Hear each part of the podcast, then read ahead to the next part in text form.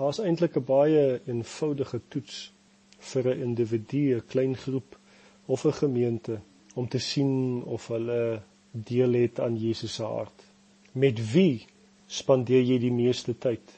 Meeste met hulle wat alreeds gered is of met diegene nog nie in verhouding met Jesus nie? Die meeste van die tyd weet ons dat geestelike leiers meeste van hulle tyd afstaan en aanwend vir die lidmate van die gemeente. Ook kan ons altyd kyk in terme van gebede. Waarvoor bid ons? Bid jy vir jou eie behoeftes of bid jy vir hulle wat verlore is? Waar spandeer jy jou geld? Op jouself, op jou lidmate om salarisse te betaal of op die nood buite die gemeente? Waaroor preek jy meeste van die keer? Die heiligmaking van die lidmate of mobiliseer jy die lidmate om ander te bereik met Jesus se liefde? Jou raadsvergaderings in die gemeente. Waaraan spandeer jy die meeste tyd? Die behoeftes van die gemeente of die behoeftes van die wêreld? Die vraag is, is jy lig vir die kerk of is jy lig vir die wêreld? Daar is 'n absolute feit en dit is dat meeste kerke soos wat ons dit ken se lidmaatskapgetalle daal. Party bly dieselfde, ander groei bietjie vir bietjie. Maar dit is 'n duidelike bewys dat ons Jesus se soekende hart verloor het. En mense sterf sonder Jesus. En mense in kerke bereik hulle nie. Na 2000 jaar is daar slegs 30% van die wêreld se bevolking wat nominale Christene is.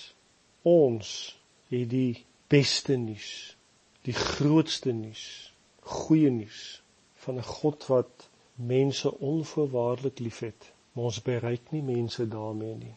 Eens op 'n tyd was daar 'n olieraffinaderry. 'n Besoeker is op 'n toer geneem en al die verskillende departemente van hierdie groot raffinaderry is aan hom gewys. Aan die einde van die toer vra die besoeker, die bestuurder, maar waar is jou vervoerdepartement wat al die verfynde olie, gesuiwerde olie na verskillende garages in die land neem? En toe sê die bestuurder Ons het nie 'n vervoerdepartement nie. Al die olie wat ons verwerk, gebruik ons net om ons eie masjiene wat die verwerking doen te olie. Hierdie voorbeeld is baie keer eintlik 'n hartseer skets van die kerk.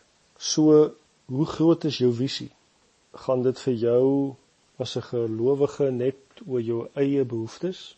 Of gaan dit vir jou daaroor om Jesus se hart te deel en saam met hom te soek na die wat verlore is?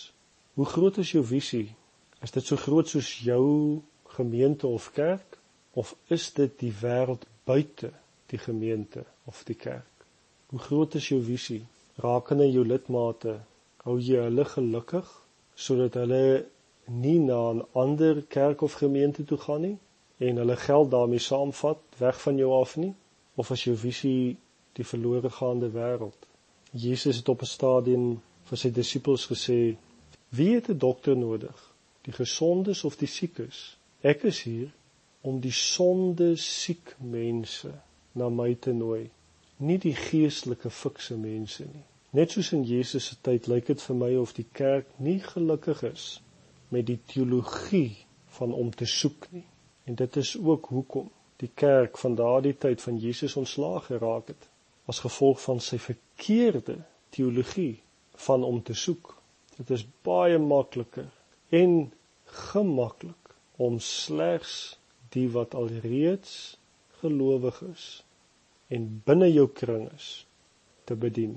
Jesus se hart het vir hom toe 'n prys gekos en dit vra vir ons ook 'n prys om ons tanse teologie en praktyke te laat vaar, te begin bid vir verlore mense, tyd te spandeer met verlore mense, tyd te spandeer in plekke waar verlore mense is.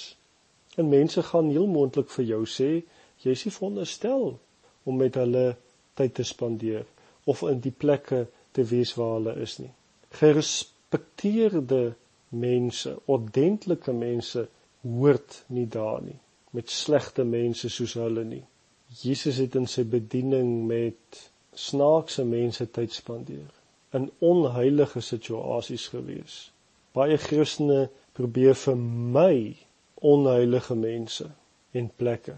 Vir Jesus om heilig te wees is om met onheiliges te wees in onheilige plekke, want hy het 'n konstant soekende hart. Ons kan nie die wêreld bereik as ons in vier mure vasgevang is in 'n kerkgebou nie of in 'n kerklike instansie nie. Want die wêreld is nie binne in die kerk nie. En ons kan ook nie ons kerke wegsteek beveilig teen die wêreld en heeltyd net met 'n boodskap rondloop van kom kom na ons toe.